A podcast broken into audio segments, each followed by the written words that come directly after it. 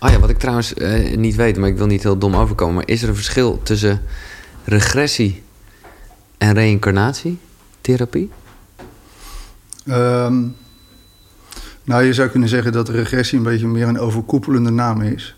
Ja, ja, ja. Voor teruggaan in de tijd. Ja? Terwijl reïncarnatietherapie duidt dat dat ook inhoudt dat je je dan met vorige levens kunt bezighouden, therapeutisch. Ja, en bij regressie kan je ook teruggaan naar... Ja, dat is een beetje de, de de totaalnaam, zeg maar. Ja, ja, ja. Ik heb dat dus wel een keer gedaan. Dat vond ik fascinerend. Omdat het me wel eh, toen al heel veel inzichten gaf over waar ik vandaan kom. En we... Maar ik had ook de indruk van ja, hoe vaker ik dit doe... Het, het leek een soort oneindig, eh, ja, oneindig vorige levens te hebben. Kan ik me voorstellen. Maar is dat ook oneindig? Nou, als je, het is maar net welke, welke insteek en welke vaarroute je, je aangaat eh, in deze therapie. Dus ik ben het met je eens. Ik ben er ook redelijk van afgestapt. Dat, dat eindeloos exploreren van vorige levens. Ja, oké. Ja, ik heb mij meer toegespitst op het werken met die voorouders. Ja, En, en in dat werkveld ehm, eh, vind je eigenlijk de ladingen van vorige levens die er echt toe doen. Duidelijk. Wij hebben eh, Maarten Overzier hier. Hij is van het nieuwe boek Bestaansrecht. Licht op de verdrongen historie die wij nog in ons dragen. Nou, dan gaat het dus al snel over reïncarnatie. Hij wordt ook wel eh, die Indiaan uit Rode genoemd. of wat ik ook een mooie vond, maar die heb je zelf een beetje bedacht, geloof ik. Komt in het boek eh, naar voren. Spirituele vuilnisman. ja. Die vond ik ook wel goed. Een beetje ophalen wat er nog zit. En eh, ja. ja, het is, het is fascinerend. En ik ben door dingen als... nou ja, met Els van Stijn heb ik familiesysteem systeemopstelling gedaan. En ik kom nog vrij recent uit een Vipassana-retreat. En daar komt dat eigenlijk allemaal in terug. Hè? Dat, dat, dat, dat de voorouders gewoon in je zitten. En ik denk dat wij dat ook allemaal weten. Eh, want je bent eh, een kind van je ouders, dat weet je al. En die zijn weer kind van hun voorouders. Dus dat is allemaal een soort van logisch. ja. Ehm, ik ben even benieuwd hoe het eh, bij jou gekomen is. Want eigenlijk schrijf je dat niet zo heel duidelijk, als ik eerlijk ben. Je bent chef-kok geweest, met Herman de Blijker als, als Mattie. Ik denk dat je daar een beetje te hard werkte, want we doen alle chef-koks. Ja, ja, dat klopt. Ja. Ja. Maar dan ineens eh, heb je het er al over dat ten tijde van dat je dat nog deed... dat je bij een collega Jos eh, zijn hand op zijn hoofd deed om de migraine weg te halen. Toen dacht ik, ja oké, wat ging hier aan vooraf? hoe, hoe, hoe ben je hierin gekomen? Ja, je steekt lekker diep in, daar hou ik wel van. Nou ja, ehm, ik beschrijf in die zin wel dat de aanleiding om mij in deze dingen te gaan verdiepen... eigenlijk eh, eh, voortkomt uit het overlijden van mijn vader toen ik heel jong was. Ja, de dood van je vader ging je eerst in de botten en later werd dat een beetje... Maar hoe Ja. kom je dan bij reïncarnatie? Of hoe kom je erop dat je, dat je hand op iemand legt? Zo bedoel ik het meer. Nou, weet je, ehm, je zou kunnen zeggen dat als je iets, iets meemaakt van, van die orde als kind... eh, in mijn geval zeker, nou, dan wil je je gaan verdiepen in, in, de, in de niet geziene wereld... Ja. omdat in de kindbeleving daar je vader zich bevindt. Maar hoe kwam je bij reïncarnatie? En hoe kwam je erop dat je met een hand eh, de migraine even bij iemand weg Nou, dat zijn eigenlijk twee dingen, maar het gaat er meer om dat ik als kind ehm, eh, een soort vertrouwd raak, eh, raakte met, met de ongeziene wereld. Oké, Terwijl dat in die kindbeleving eigenlijk een soort normaal is. Ja. En het pas later op valt, het kwartje valt, dat dat in de gewone wereld niet normaal is. Dus ik heb dat afgesloten later. Hè? Dus ik heb daar dan een soort gevoel bij, laten we het maar zo noemen. ja. Eh, dat is altijd wel een soort bij me gebleven. hè. Dus altijd een hang naar mystieke dingen en ongeziene werelden enzovoort enzovoort. Ja, oké. Maar eh, ook omdat er zoveel emotionele lading aan het overlijden van je vader zit... en alles wat ermee samengaat... heb ik ook ehm, een hele, hele periode ben ik de horeca ingestapt. En dat, dat helpt heel goed om, om dat allemaal even zo te hoeven Ja. voelen. Nee, dat begrijp ik, ja. En ik ben ook heel blij dat ik het gedaan heb, want ik, vond het, ik vind het nog steeds prachtig werk. Maar ehm, parallel daaraan bleef altijd de hang naar deze dingen. En op een bepaald moment, toen wij zelf kinderen kregen in die tijd... eh, had ik zo van, je zei het al, van ja, je werkt je de, de pleuris Ja. als chef-kok. En als ik zo doorga, dan zie ik zelf ook geen kinderen. En zij mij ook niet. Dus alles met elkaar heeft mij dat toen aanleiding gegeven om eh het roer om te gooien... en me toch te gaan storten op dit werk. Ja. Eh, is het zo dat jij het gevoel hebt dat wij als kind dat allemaal hebben? Oftewel zijn wij... of, of is het een gave? Ja, dat is een goede vraag. Ik zou eh, niet eh, zeggen dat we dat misschien allemaal hebben, maar wel misschien in meer of mindere mate. En dat uh, het er ook wel een beetje van afhangt hoeveel ruimte er komt in het gezin waar je opgroeit. Zeker. om daar überhaupt aandacht aan te besteden. De meeste en dus mensen... hoe je er later ook mee uh, ja, ruimte voor geeft en mee omgaat. Ja, want de meeste mensen worden natuurlijk in hele rationele kaders gestopt van huis uit al. Mm -hmm. en dat, dat had jij mee. niet?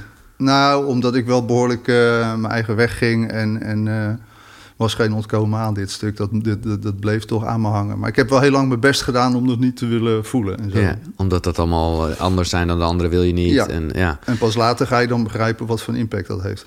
En dan toch nog even, kijk, dat je, dat je daar dus hè, met een soort andere wereld en spiritualiteit, dat snap ik dan. Maar specifiek dat reïncarnatie, hoe is dat op je pad gekomen? Heb je daarover gelezen? Was er een voorbeeld ergens? Want dat is toch wel vrij specifiek.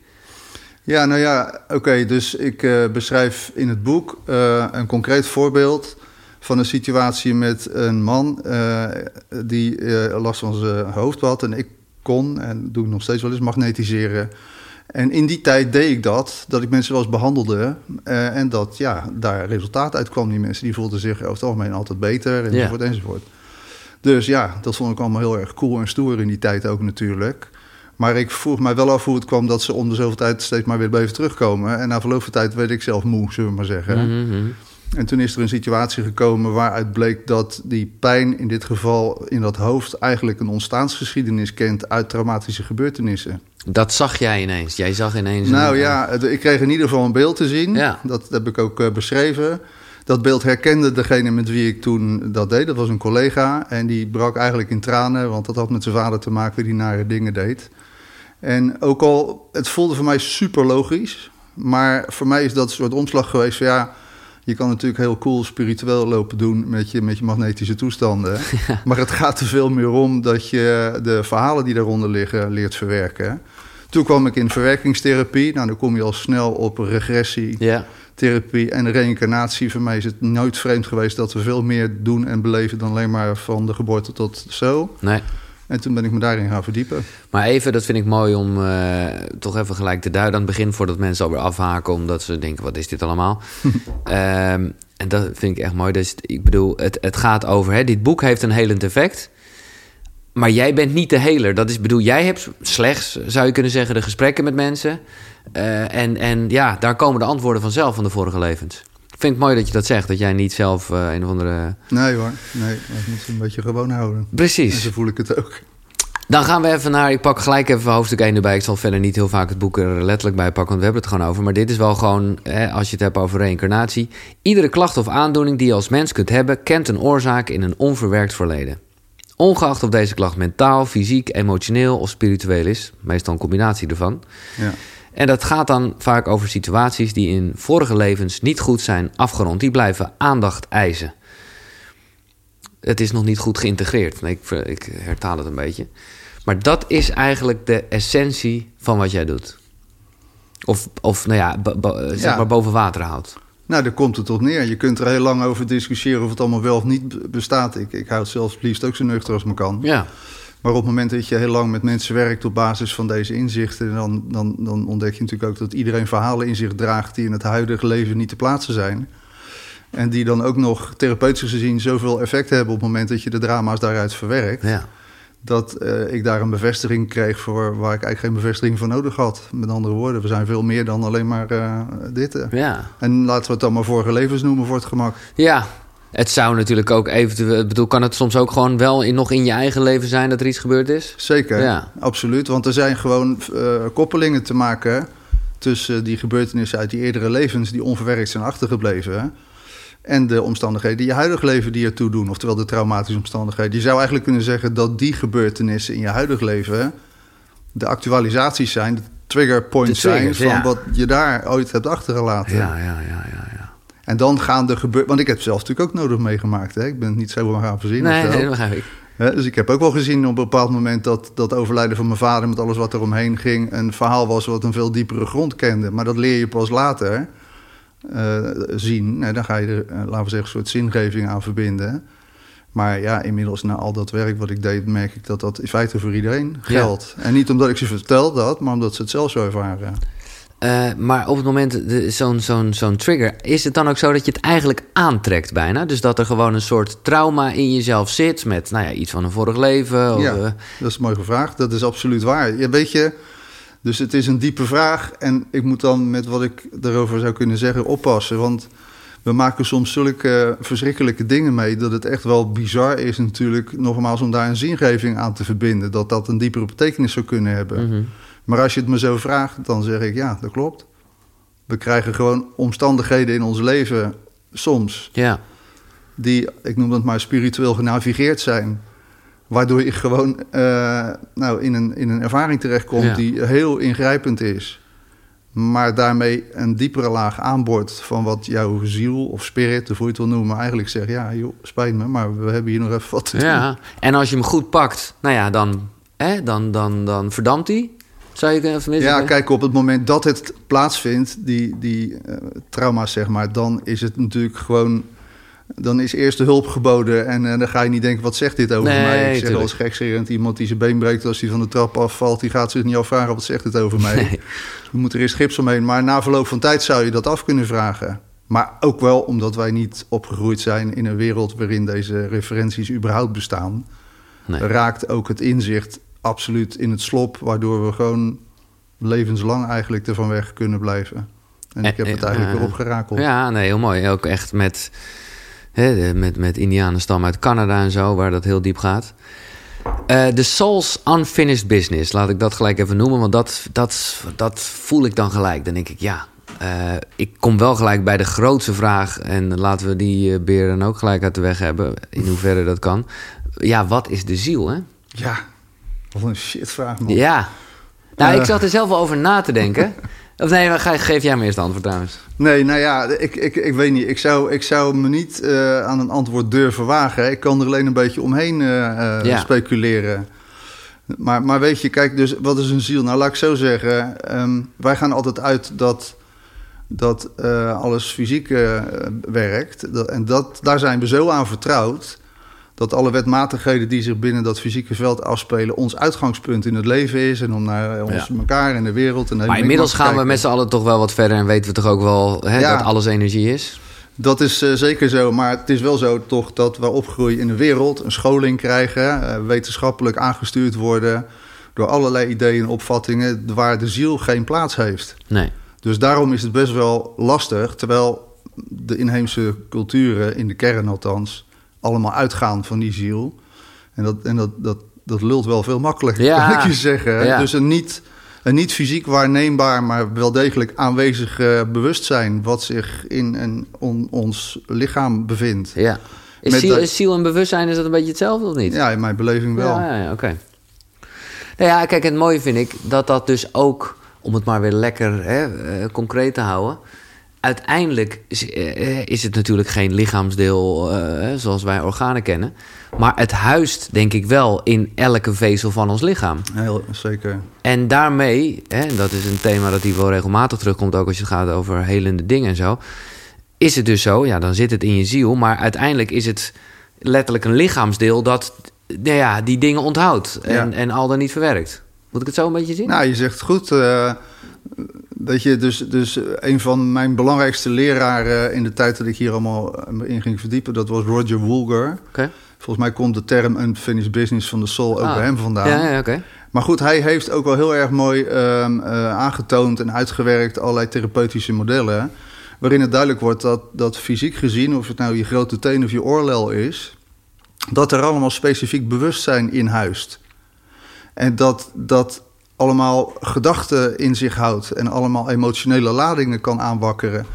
En dat heeft mijn werk al lang bewezen dat het zo in elkaar zit. Dus wij zijn allemaal bewustzijn in ons lichaam. Alleen als jij ooit een keer met een duim of met je hamer op een duim slaat, dan onthoudt op een bepaald moment die, die duim de koppeling van zo'n, van zo'n moment. Ja, ja, ja. En dan is dat redelijk onschuldig. Maar op het moment dat je kijkt naar de trauma's die bijvoorbeeld vanuit oorlogssituaties eh, komen, Ja, dan betekent het, eh, dat voorbeeld geloof ik, noem ik ook ergens, dat, dat als iemand, iemands laatste gevoel is eh, dat zijn nier kapot geschoten wordt eh, in een oorlogssituatie, dat, dat het bewustzijn van die nier, kapot zijn enzovoort, hem eigenlijk weer gaat aantrekken in een nieuw leven naar nierproblemen, Ja. omdat hij er eigenlijk een heling op wil maken. ja. Dus dan wordt het veel concreter.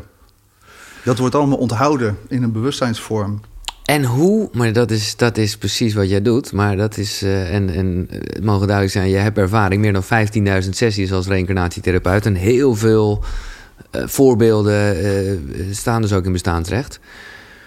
Maar ik heb ook wel de term grafgeheimen gehoord. Vond ik ook een mooie. Want, maar hoe kom je erachter wat jouw grafgeheim is? Want ja. ik, ik bedoel, ik ben super nieuwsgierig. En ik, ik heb, ben ooit eens een keer in een regressie gegaan. Nou, dat heeft me best wel veel gegeven. Het was een beetje voor de show, moet ik eerlijk zeggen. Er was een programma met Dirk Bolt jaren geleden. En ik ging bij die gast dat doen.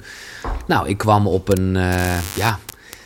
Ik verzon het niet. Hè. Je, dat, tenminste, ik zat daar gewoon in die stoel en ik hoorde mezelf lullen. En uh, nou, ik dacht, ja, ik, wauw. Uh.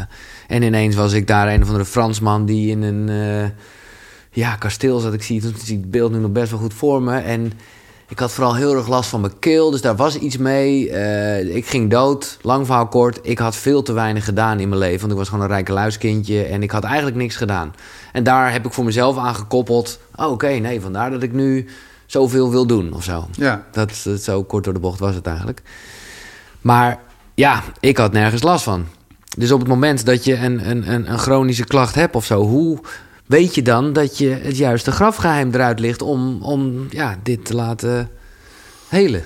Ja, nou ja, kijk, in eerste instantie uh, hou ik me niet bezig met mensen die geen aanleiding hebben om therapie te doen. Weet je? Dus dat vind ik wel belangrijk om te noemen. Want anders noem ik dat reïncarnatietoerisme. En dan, ja. dan heb ik zo van, nou ja, weet je, dat is niet mijn ding. Dus ik wil wel heel liefst gefocust op klachten uh, werken die mensen inbrengen. Ja.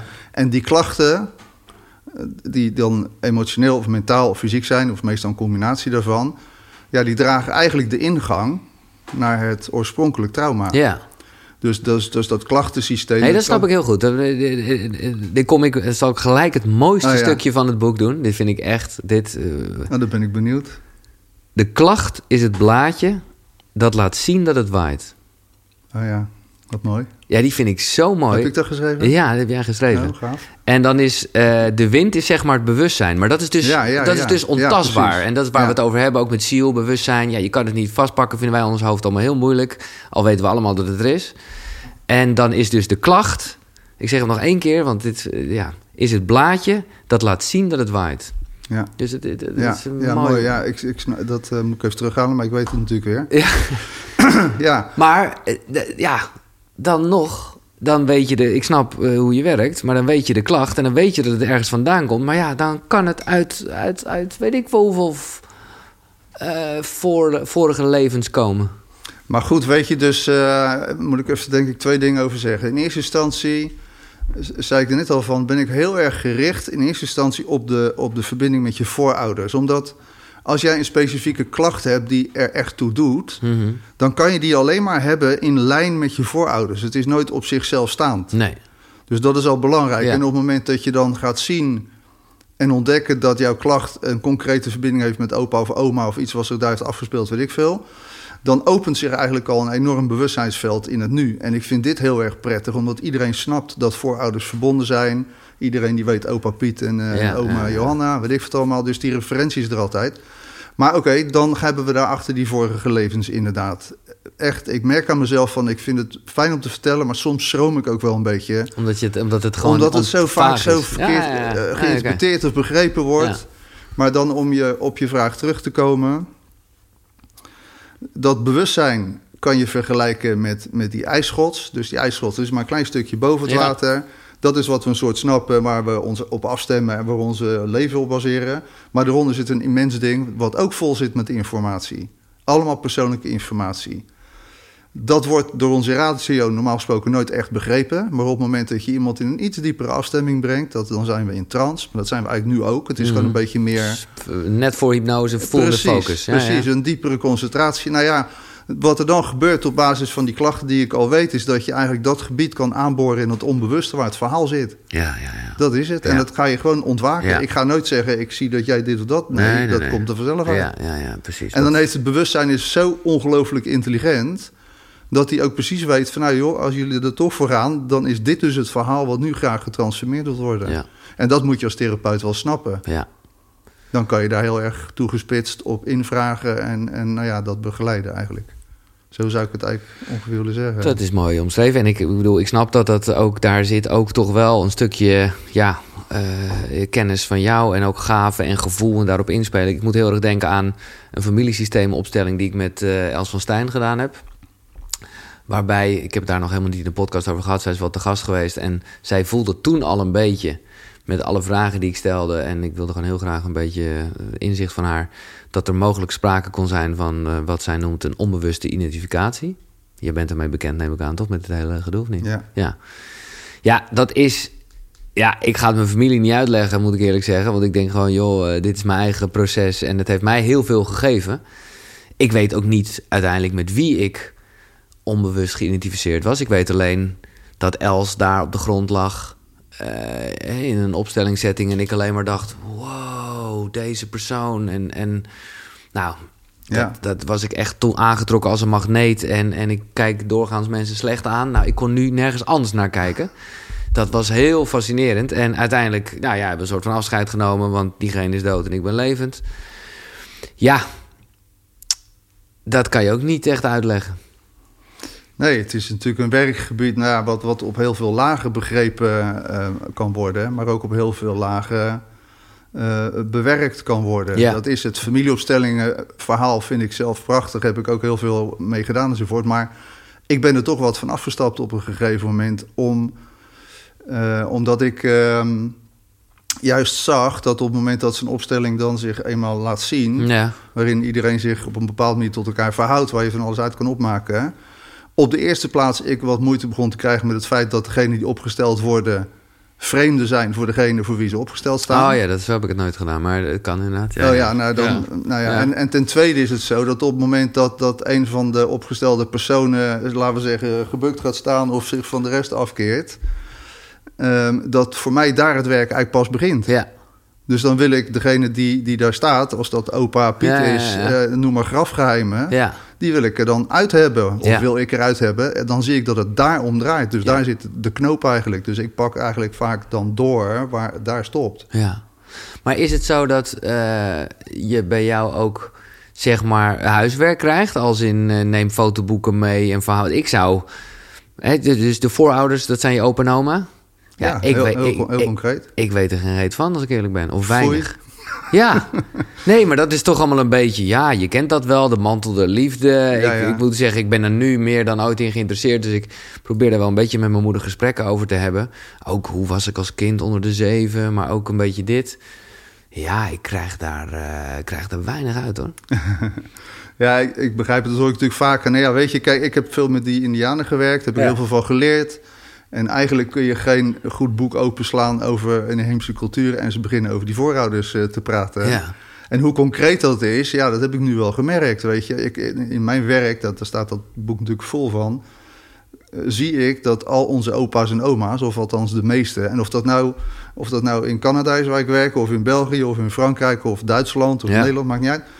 Dat de meeste van die grootouders, dus dat is ook die generatie, ja, eh, nou, getraumatiseerd zijn geraakt, heel direct en anders indirect, dan wordt het chronisch, door de invloed van de kerk of religie. Ja.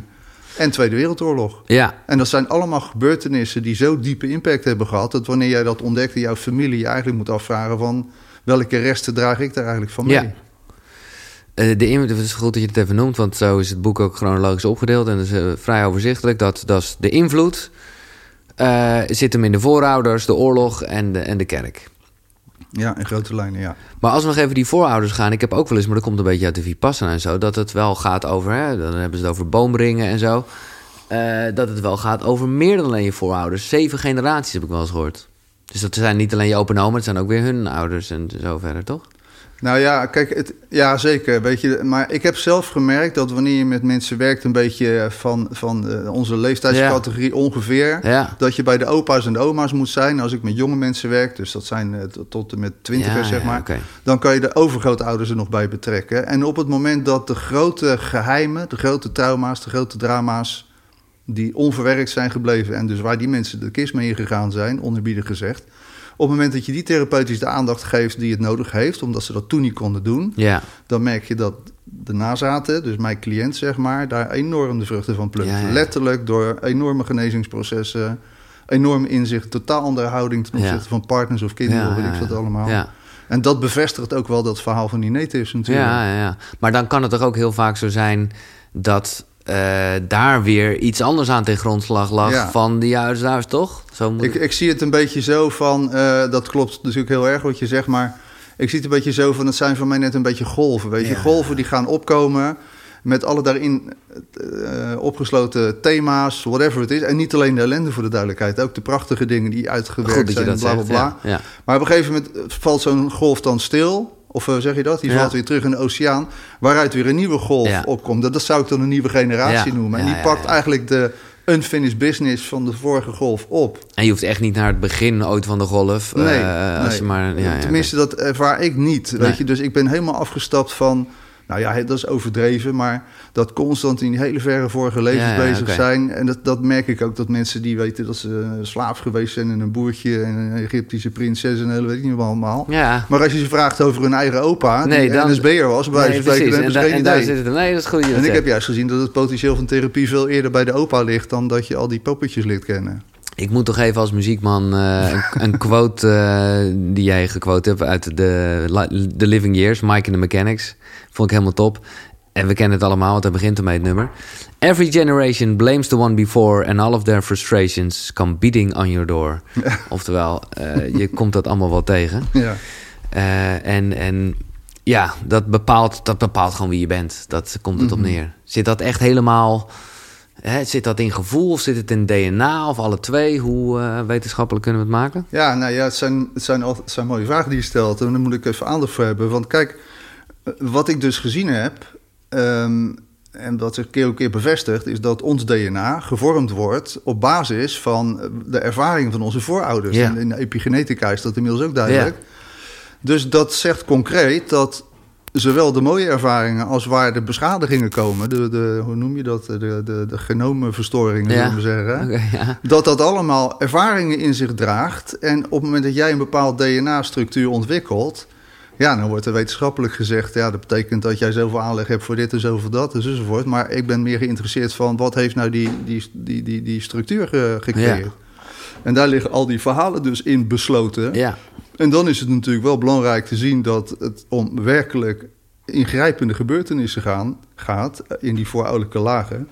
Van traumatisering van opaatjes en omaatjes die werkelijk gingen geloven dat ze in de hel terechtkwamen. precies. Omdat ze weet ik niet wat een keer hadden gedaan. En, en zo'n angst zo lang met je meedragen, hè, vormt dus DNA-structuren, Ja. codering. Ja, en dan zie je dat nog steeds hier komen. En het goede nieuws is, tenminste vind ik altijd fijn, eh, dat je dus op het moment dat je, nou ja, zo'n trauma eh, lucht geeft en eh, nou ja, gewoon zelf bezig bent met, met, met naar binnen gaan en dit opzoeken, Ja. dan pas je dus ook je DNA aan. Ja, dat is inderdaad wa- wat er gebeurt. Er komt gewoon een herschikking. Ik bedoel, ik heb heel veel mensen gehad die ongeneeslijk geachte aandoeningen hadden. Maar ja, uiteindelijk als het dan oplost en, en, en beter wordt en bla bla bla, dan, dan, ja, dan is dat natuurlijk de witte raaf. Ja.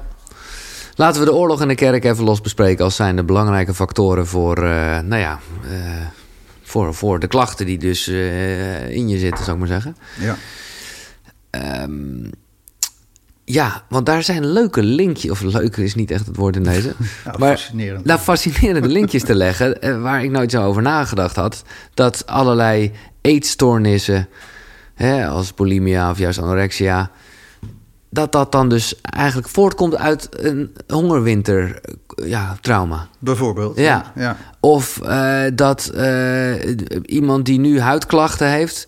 in een vorig leven wel te, te maken kan hebben gehad met fosforbommen. Zo, zo, Zo concreet. zo overzichtelijk is het eigenlijk. Zo concreet. Ja, dat is mooi gezegd. Zo overzichtelijk is het. En het bizarre is, als je er dus bij zit, als je getuige bent van die sessies, dan zijn dat mensen die zich nog veel minder in dit soort materie verdiept hebben soms dan jij en ik. Ja, Maar op het moment dat je in de juiste afstemming de juiste vragen stelt, dan komen ze zelf met deze koppelingen. ja. Dus het is in het bewustzijn eh, eh, al ingebed, zeg maar. Maar als ik het dan nog even wat concreter maak, probeer even te. te Ja. Dus oké, eh, ik heb huidklachten. Blijkt dat mijn opa vet fosforbom, daaraan is overleden. Ja. Eh, dat, dat heb ik, ja. En is het dan zo dat op het moment dat ik dat eens eventjes echt goed voel en onderken... dat dan daarmee het, uh, ja, oftewel hoe los je het dan op op het moment dat je die kennis... Uh... Nou, het belangrijke is om te benadrukken dat het dus als het gaat over unfinished business... of dat dan iets is van je grootvader of van jezelf uit een eerder leven... of soms is het ook een combinatie van die factoren... want je kunt in feite je eigen grootvader zijn. Ja, ja, dan moet je biografisch wel eerder dood gegaan zijn... dan jij geboren werd, verwekt werd. Ja. Maar dus die logica moet er zijn. Maar um, uh, om, om, om daarop terug te komen, is het wel belangrijk te zien dat als iemand een trauma doormaakt, dat, dan, dat er dan zich een heel belangrijk fenomeen voordoet, namelijk dissociatie. En, en dissociatie betekent heel kort door de bocht dat je ziel of je zielsenergie zich onttrekt van de realiteit, ja. wat, wat pijnlijk is. Je gaat eigenlijk uit verbinding met jezelf. Ja, precies. Je gaat uit verbinding. Nou, en dat is onder die omstandigheden misschien wel het beste wat je kan doen. Precies, overlevingsmechanisme. Dat is overlevingsmechanisme. Maar het is wel, dan betekent dat heel veel mensen uit verbinding blijven, ja. terwijl het gevaar al weg is. Ja. En dan gaat de ziel signalen geven: hey, uh, luister eens, uh, je bent dit nog steeds aan het volhouden, het is niet meer nodig. Dus die wenst weer een associe associërende beweging te gaan maken. Ja. En daar draait het natuurlijk dan in die therapie om. En op het moment dat jouw laatste imprint, zeg maar, voordat je een werkelijk trauma ingaat, zijn: ik voel mijn hele lichaam branden door een mosterdgasaanval of fosforbom of Ja. zoiets. Dat betekent dat er op dat moment in de belevingswereld van de persoon in kwestie een associatie gemaakt wordt van zolang ik mijn lijf nog voel branden, leef, ik nog. Ja, ja, ja. En dat zijn imprints die Ja. in feite eh, energetisch DNA bepalend zijn. Ja. Die ga je in een nieuw leven weer oprakelen, omdat jij weer wil leven. Maar zolang die overtuiging er nog in zit, moet jij weer iets hebben wat brandt. En dat kan eh, van alles zijn. Ja, dat nee, is dat eh, eczeem of psoriasis eh, geval of al die dingen meer. Maar dan moet ik dus even... ja, dat begrijp ik een beetje, denk ik.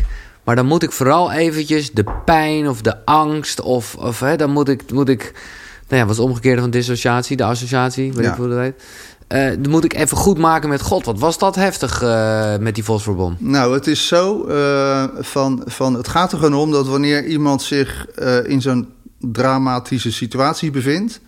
ik er als begeleider eigenlijk naast zit... eh, ik ga millimeteren door die persoon bewust te laten worden... van waar hij zich toen niet meer bewust van wilde zijn. Ja, ja, Dus dan kan ik ook bijvoorbeeld met lichaamswerk... dus wat aanrakingen doen op het lijf waar het het meest brand is wordt... kan ik zeggen, besef wat er met je gebeurt. Voel wat er gebeurt. Eh, blijf je lichaam ervaren terwijl jij het liefste weggaat en bla bla bla. Dat zijn allemaal instructies met een associërende werking... En dan ineens komt er verhip, of, of erger. ja. Dat gaan we nou niet zeggen. Verhip, die had ik lang niet gehoord. Verhip. Maar dan is eh, eigenlijk de slotsom van... oh, maar nu begrijp ik wat er gebeurt. Nu heb ik het doorleefd. Dus is het niet meer nodig om die brand te voelen, om Nee. te leven. Maar jij zegt net iets, dat vind ik wel mooi. Verhip. Nee, nee, dat vond ik ook mooi. Nee, maar over, over eh, het bewustzijn, hè, waar we het eer- eerder over hadden, noem het de ziel, whatever. eh, dat eigenlijk op het moment dat je dus eh, zo'n hè, uit verbinding gaat, zo'n dissociatiemoment hebt, Ja. dan zou je kunnen zeggen dat het bewustzijn even een soort error heeft. Dat staat dan even daar Ja. gelokt of zo. Ja, dus ook, dat kan je zeggen. Dat het zich onttrekt van de realiteit die fysiek is, omdat de pijn te groot is. Dat is precies wat er gebeurt. Maar weet je, je kunt nooit succesvol voor eeuwig gedissocieerd blijven. Je kunt wel heel lang volhouden. hè. De ziel gaat altijd zorgen, nogmaals, dat je weer in een situatie terechtkomt die je aan dat situatie doet denken. Om eigenlijk het weer te activeren, om die verbindingen werking te maken. Ja. En daarom, waar we het over hadden, trek je het bijna aan. Omdat Ja. dat, dat, ja, dat moet hersteld Maar worden. het grote drama is meer omdat wij ongelooflijk niet opgevoed zijn met dit soort inzichten. Nee. Dus omdat wij zo af zijn geleid van, die, van deze eh, oerprincipes, moeten de gebeurtenissen vaak heel heftig worden. eh, ja, zo. en dan herkennen we het helemaal niet meer. En dan worden Nee. er allerlei regulerende behandelingen gedaan. Ja. Maar die hou- onderhouden eigenlijk het oorspronkelijk trauma. Nee, maar ik denk dat eh, je dat al gewoon in één leven gewoon heel erg kent. Ja. Dat je eigenlijk vaak denkt, oh, als ik nou gewoon de eerste keer die les of zo gewoon echt goed had genomen, dan was dat later misschien helemaal niet meer nodig geweest. Maar dan, dan komt er iets terug en pas op een gegeven moment dan voel je Ja. echt eh, hoe het zit. Ja. Van al die verhalen met betrekking tot oorlogen, er staan er dus veel in. eh, ja, welk, welk verhaal, welk praktijkvoorbeeld raakt jou het meest? Of heeft jou het meest geraakt? Ja, nou ja, kijk, toen ik met dit werk begon, kreeg ik in mijn praktijk opvallend veel te maken met cliënten die op hele jonge leeftijd zijn vader uh, Ja. of, of moeder, maar Dat vaak vader. je eigen... Dus dan zit je ja. ook energetisch Ja, natuurlijk in een aantrekkingskracht. Dus eh, nou, dan moet je even je best doen om te zorgen dat je erbij kunt blijven. Dat is sowieso indrukwekkend. Maar meer is het nu gewoon in algemene zin dat ik het indrukwekkend vind hoe instituten en, en, en zo eh, überhaupt in staat zijn om zo'n olievlek, olievlek-traumatisering te bewerkstelligen. Waar iedereen, of heel veel mensen althans, Mhm. in gevangen raken. Dat is wat mij vooral eh, beïndrukt. En dat heb ik ook in het boek wel willen Ja, uitleggen. nee, dat het daar- niet op zichzelf is. Zeg Hier maar, er komen we echt nog zeker op terug. Ehm, wat wil ik nog verder zeggen over oorlog? Nou ja, wat ik gewoon een mooie, eh, inge ja, mooi vond, waar ik nooit zo over nagedacht had, is dat de winnaar altijd de geschiedenisboeken schrijft. Ja, Dat is wel iets waar ik nooit zo over nagedacht had, maar wat natuurlijk wel echt zo is. Dus dan ja, zitten we daar toch in een soort vertekend beeld. Mhm. Maar ja, dat, dat geldt voor alles. Eh, en laat ik op zijn minst ook één kritiek eh, dingetje uitdelen. Of nee, ja, dat vond ik gewoon. Maar dat vond ik vergezocht. Misschien heb jij aanleiding om aan te nemen dat er echt een link is. Maar hè, dat je dan zeg maar. eh hoe heet die studententoestand in Groningen? Vindicat. ja. Ja, jij zegt eigenlijk. Die zit op een plek waar vroeger de nazi's hun bewind voerden. Dus daarom zijn die ontgroeningen zo heftig. Dat vond ik. Ik Ja, dacht van, als je het zo, zo samenvat, dan, dan klinkt het inderdaad een beetje infantiel. maar het is goed dat je het vraagt voor degene die daar ook over struikelt. Weet je, het is iedere plek waar iets eh, plaatsvindt wat energetisch ingrijpend is. Ik Ja. vind het wel vervelend om dat woord trauma Ja, ja. te gebruiken. Wat daar gebeurt is dat daar gewoon eh, energetische verwonding nablijft. En dat, dat, dat houdt zich op in de energie van die plek. Ja. Zo simpel moet ik het maar even zeggen. Ja. Eh, en dat, is, eh, dat stopt niet op het moment dat eh, zo'n WA schooltehuis een andere bestemming krijgt. Dus sterker nog, dus in die generaties, het is op dezelfde manier als dat jij je grootouders aantrekt of bepaalde omstandigheden aantrekt, zijn er heel veel mensen die om redenen weer aangetrokken worden tot de plek waar ze zichzelf ooit verloren. Ja, ja. Zo concreet is het Ja, eigenlijk. Maar dan zou dat toch, en ik weet niet of dat daar gebeurd is, of ik weet niet of jij erin gelooft, maar dat, dat hè, met plekken kan je dat toch vrij makkelijk, dus aanhalingstekens, energetisch reinigen. Namelijk gewoon iemand die, die dat een beetje heeft met energie en. Nou, ik zie het zo dat de trauma's die zich op die plek hebben voorgedaan, eh, ontstaan zijn door interacties van mensen. Ja, En op het moment dat die mensen dus in zekere zin een bepaalde verantwoordelijkheid dragen voor de ellende die zich heeft afgespeeld, zullen die mensen, als het significant is, mhm. er ook steeds mee in aanraking komen. Dus op het moment dat ik met allerlei poespas in staat ben met Keltisch zeezout, een heleboel zeewier en een beetje salie en alles, om zo'n plek te reinigen, dan ben ik eigenlijk aan het interfereren in de verantwoordelijkheden van mensen die ze zelf niet willen nemen. Ah. En daarom geloof ik er helemaal niet in. oké. Het is misschien beter om die mensen, laten we voor mijn part zeggen, eh, ceremonieel te benaderen. En Niet, niet opdracht geven, maar te benaderen. Om te kijken of ze eh, in staat zijn om hun bijdrage Ja, ja, ja. eh, te willen oplossen. Hmm. Eh, nog iets over. Sorry, niet, nog iets over oorlog voordat we naar de kerk gaan? Ja? Nee, dus? Voor mij bedoel je? Ja, weet jij nog iets over oorlog? nou ja, ja. Ja, nou kijk, want als het over oorlog gaat, ik, weet je, ik heb er gewoon gemerkt dat, dat als je met mensen werkt, die gaat therapeutisch aan de bak, zullen we maar zeggen. Mhm. En na zoveel jaar wordt het duidelijk dat, dat eigenlijk de meeste van onze opa's en oma's eh, oorlogsverwond zijn. Ja. Eh, daarbij aangetekend dat de meeste mensen daar niet over praten, waardoor heel veel mensen geloven dat het wel meeviel. Ja. Maar dat is helemaal niet zo. Ja, Nee. dan ga je natuurlijk zien dat de impact van die sy- systemen dermate groot is. Maar het is Ja. niet alleen dat. Op het moment dat jij gelooft dat je inderdaad bijvoorbeeld een leven gehad hebt in de Tweede Wereldoorlog, die, die dramatisch is afgelopen. En je wil aan een nieuw leven beginnen. Dus in een nieuwe incarnatie, Ja. een nieuwe familieconstellatie. Dan moet er in die familieconstellatie voldoende oorlogstraumatiek energie zijn. Om in te incarneren. Zodat je weer verbonden werd met wat jij daarna liet. Ja, ja, ja, ja, ja. Dat is wat ik constant tegenkom. En dat is ook het, nou laat ik zeggen, enerzijds comfortabel dat ik wel een spreekbuis ben van al die verhalen. In Ja. plaats van dat het mijn eigen ontdekking Nee, is. precies. Dat zijn gewoon de verhalen van Dus mensen. dit is wat je voortdurend hoort. Ja, en juist omdat het zo'n onderwerp is wat je inderdaad liever wegdrukt. En eh, Ja. nou ja. Nou ja, en dat, met de kerk eh, is dat soortgelijk, maar misschien nog wel bijna venijniger.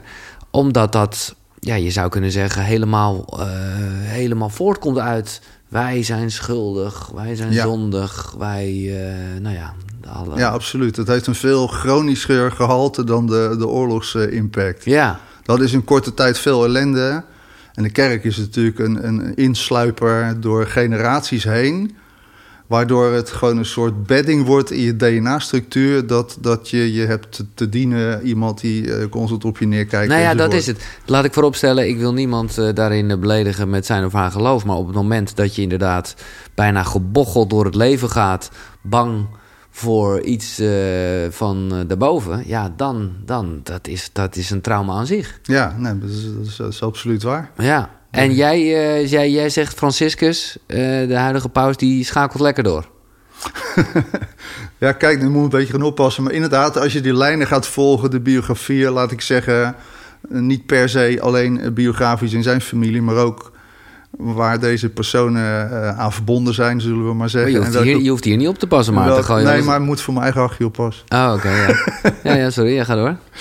Als je gaat zien waar ze aan verbonden zijn, welke contacten er zijn, in welke genootschappen zij actief zijn en wat ze daar beogen te doen, dan ga je wel ontdekken, stap voor stap, dat deze personen andere doelen dienen dan de meeste mensen geloven. Ja, jij hebt het op een gegeven moment eh, over wereldkrachten met een bedenkelijke doelstelling. En eh, ja, dan komen natuurlijk al snel de termen als illuminatie en eh, fijn. Ehm, ja, ik ben gewoon heel positief ingesteld. Wat is, wat is de reden dat er wereldkrachten zijn met een bedenkelijke doelstelling? Zo ja. Kijk, vooropgesteld is het voor mij zo dat ik als spirituele vuilnisman me moment ben gaan afvragen van wat ben ik nou, wat, wat, waar komt al die meuk nou vandaan? Ja, nee, dat snap ik heel In goed. het begin is het alleen maar spannend. En Ja. daarna is het kerk, eh, geloofssystemen, onderdrukking, NSB, verkrachting. Dat is een zootje. Dus dan ga jij, net als een goede kok, je afvragen... waar komen nou mijn producten vandaan? Dat wil je dan weten. In het begin leer je alleen maar koken... en daarna wil je weten waar die tomaat vandaan komt. Ja, Dus ik ben me ook steeds meer gaan verdiepen in... nou ja, de, de, laten we zeggen, de historische politieke achtergronden... van hoe dingen ontstaan. Ja. Hè? Eh, Catastrofes en grote gebeurtenissen onder de mensheid. Nou, en dan moet je zorgen, precies, je noemde het al... dat je niet te veel alleen maar de boeken leest... die door de overwinnaars geschreven zijn. Want dan word je natuurlijk in een afleidingsmanoeuvre geduwd. Er is gelukkig ook heel veel te vinden... waar vanuit een andere invalshoek de historie beschreven wordt. En dan ga je hele andere verhalen ontdekken... ja. Eh, die mij samengevat eh, hebben laten zien dat er een soort organisatie achter al die traumatisering zit. En dat het niet random is wat er allemaal gebeurt. om het volk klein te houden. Ja, want dan blijkt het zo te zijn ehm, dat, er dat er een betrekkelijk kleine groep mensen eh, actief is om toch deze planeet als, als onroerend goed aan te merken. Ja, ja, ja. En dat willen ze voor zichzelf hebben. Dat is een soort, eh, ja, we kunnen het ons lastig voorstellen misschien, maar een bepaalde waanzinnigheid. eh, maar ja, daar wordt, daar, daar wordt inderdaad aardig werk van gemaakt. En dan, als je dat, als je, daar, je hoeft mij niet aan te nemen, maar er is heel veel over te vinden natuurlijk. Als dat in je bewustzijn komt, aanvankelijk met heel veel laagjes weerstand, dan kan ik ook wel begrijpen van ja, nou ja, stel nou dat dat nou je doelstelling is. Hè? Wat ga je dan doen? Wat voor marketing systeem ga je inzetten om het dan ook voor elkaar te krijgen? Nou, er lopen hier allemaal poppetjes eh, rond. Dat zijn mensen die vinden de, zon mooi en elkaar leuk en dit en dat. En die hebben eigenlijk weinig zin in zo'n programma. Dus wat moet je dan doen om al die poppetjes voor je te winnen of misschien zelfs eh, te lozen? Wat voor systeem moet je in werking zetten? Nou, traumatisering werkt heel erg, want op het moment dat je traumatiseert, dat zei ik al, kom je in een disso- dissociatieve afstemming ten aanzien van de verbinding met Moeder Aarde. Dat hebben al die wisdom keepers van die inheemse me in feite ook verteld. En hoe gedissocieerder je raakt, hè, dus als je de verbinding met Moeder Aarde of met het aardse Ja. leven kwijtraakt, hoe makkelijker manipuleerbaar ben je. Ja, Dus ja, als ik nou in zo'n club actief zou zijn, voor zover ik me dat überhaupt kan voorstellen, hè, dan zou ik ook zeggen, nou, we moeten zorgen dat we een hoop rottigheid creëren, maar op een manier dat ze het zelf niet doorhebben. En dan stap voor stap moeten we zorgen dat dat dan, eh, eh, nou ja, dat we de boel naar onze hand gaan zetten. nou ja, het is iedereen ik voelt heb hem het subtiel hopelijk uitgelegd. Het is subtiel, maar we gaan er zeker even op door. Want Oh. het is vanaf hier natuurlijk een kleine stap naar eh, de periode waar we in zitten. Wat feitelijk gezien ook een soort oorlogssituatie is, zou je kunnen zeggen. Mhm. Hè, dan heb ik het over corona natuurlijk. Nou ja, eerst eventjes. eh, als, even, even los van eh, de, de, nou ja, de krachten die daar mogelijk achter zitten. En ik ben echt wel oprecht benieuwd eh, hoe jij dat ziet. Maar even sec van wat er nu aan de hand is en de angst en wat ik al zeg, de oorlog. Dat is dus een effect wat mijn kinderen ooit, of in ieder geval mijn kleinkinderen, dus heel erg gaan meekrijgen weer. Ja, dat klopt. Zo goed als jij uh, de dingen van jou, uit jouw familiesysteem ja. hebt meegekregen, dat is natuurlijk ongoing. Maar zie jij het ook zo als een soort nieuwe oorlog met, met dezelfde effecten als, een, als bijvoorbeeld een Tweede Wereldoorlog? Ja, dat zie ik wel zo inderdaad. En uh, hoe zie je dat dan met, uh, nou ja, ook weer de krachten erachter? Um, Yo, ik merk dat je voorzichtig wordt, Maarten. Ja, maar het is niet erg, want dat helpt mij ook uh, om me scherp uit te drukken. En, en subtiel. Laat ik zo zeggen, het feit dat die traumatisering um, georganiseerd wordt, dat is voor mij duidelijk. Al kan ik aflezen aan die duizenden sessies die ik deed, op basis van de gevolgen van oorlog, invloed van kerk, hongersrampen, epidemieën enzovoort. Dan is het een kleine stap om te kijken wat voor aandrijving zit erachter, achter al die tonelen. En dan zie je het vrij snel. Dus dat is een, dat is een uitgangspunt geworden voor mij. Uh, maar goed, dat dan is het ook. Dat is natuurlijk wel in de categorie. Als dat het uitgangspunt is, dan zie je het ook. Hè? Dat is een beetje. Ja, maar dat is zo van, kijk, ik, ik, de meeste mensen die dit allemaal complot en raar vinden, eh, met alle respect, die hebben dat onderzoek niet gedaan. Die haken al af op het moment dat het te veel buiten de gebaande paden gaat. Ja. Of ze trekken al conclusies op het moment dat er een een of andere uh, wappiefriek uh, een raar verhaal vertelt. En dan pinnen ze zich daarop vast, waardoor het onderzoek voor hun stopt. Ja. Maar er is informatie zat. Ik bedoel, iedereen die, nou ja, een beetje, ik kan veel namen noemen van mensen die daar allerlei publicaties over hebben geschreven. Nou, als je daar een beetje ingaat, in combinatie met mijn ervaring uit de praktijk dan is 1 plus 1 er keihard 2, misschien zelfs wel 3. Uh, en dan uh, wat, wat opvalt in al die velden, zeg maar, die dan steeds georganiseerd worden. Ik bedoel daarmee, als de, als de sentimenten van, van het, het volk zodanig bespeeld wordt. dat je daarmee een soort geloofssysteem uh, binnen, binnen, onder de mensen drukt, ja. gewenst. Ja, ja, ja. Nou ja, dan moeten die mensen in shock verkeren. Er moet gewoon iets gebeuren waardoor zij Ja. ineens zo... Ja. En als subliminaal geprogrammeerd allerlei, allerlei uh, geloofssystemen gaan adopteren... waarop zij hun levenswandel gaan baseren... hun identiteit gaan uh, uitbaseren... hun, hun, hun uh, verenigingen, zelfs de, de, aanschaf van een auto... maar hoort bij dat veld. Ja. Dus dan zit je in feite gevangen in een, in een, in een, in een gedachtestructuur zonder te beseffen dat je daarmee een, een, doel, een doel dient... waarvan het maar de vraag is of je dat überhaupt wel wil. Exact. Uh, ik vind het heel mooi hoe jij uh, bijna analytisch eventjes een... Uh, ja, hoe zeg je dat? De, de, verschillende soorten rollen die je kan spelen in, in dit verhaal. Mm. dus je hebt... even kijken of ik ze allemaal zeg. We hebben de volgers. Nou, dat is toch misschien wel de grootste groep. de nuchtere burger...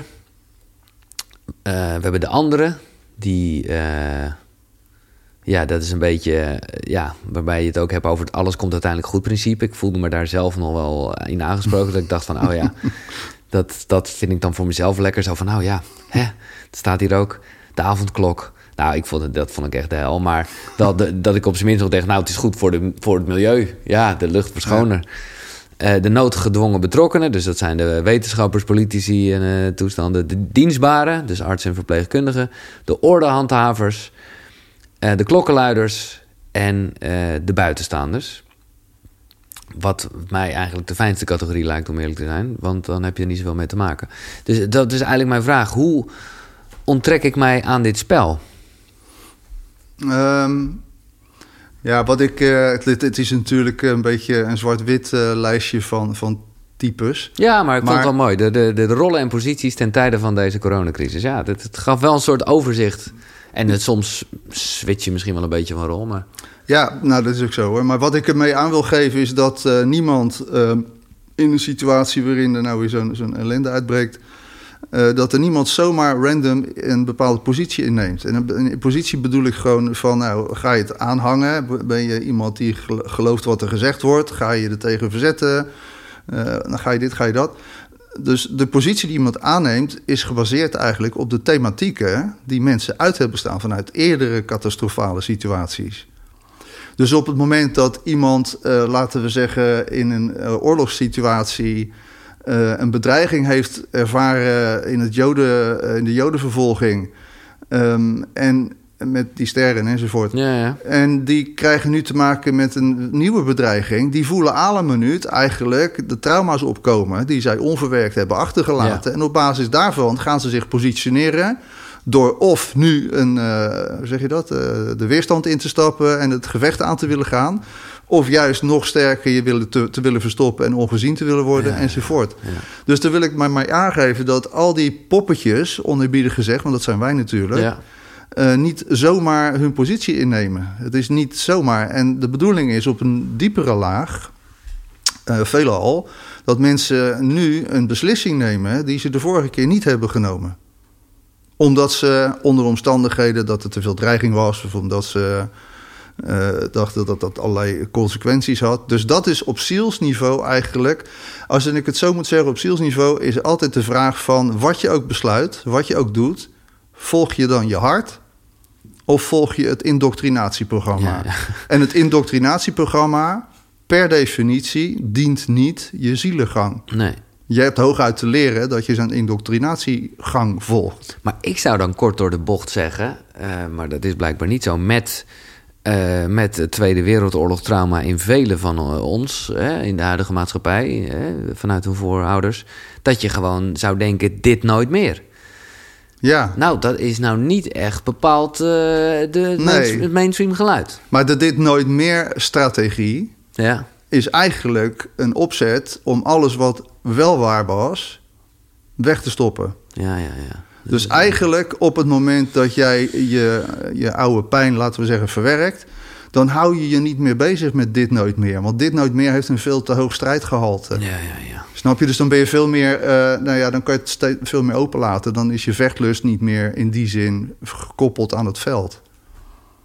Ik hoop dat ik het goed uitleg. Ja, nee, ik, eh, ik voel het wel. Maar hoe kijk je aan tegen deze periode? Hoe, eh, zelf als mens en ook met de kennis?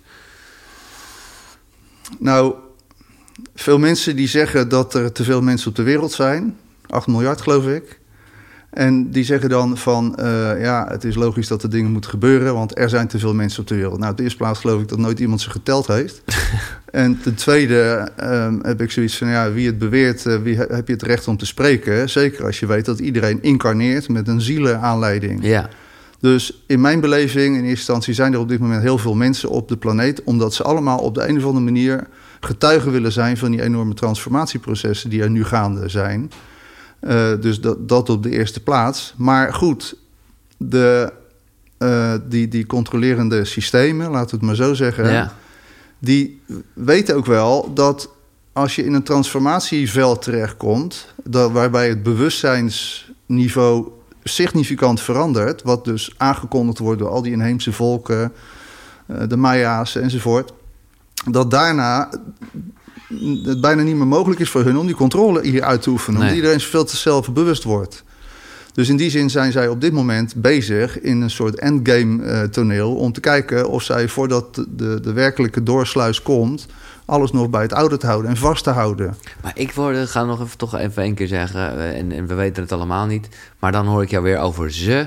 En dan denk ik toch, ja, maar is er dan echt een klein clubje die dit allemaal... Ik bedoel, het is toch niet dat Mark Rutte daar onderdeel van is?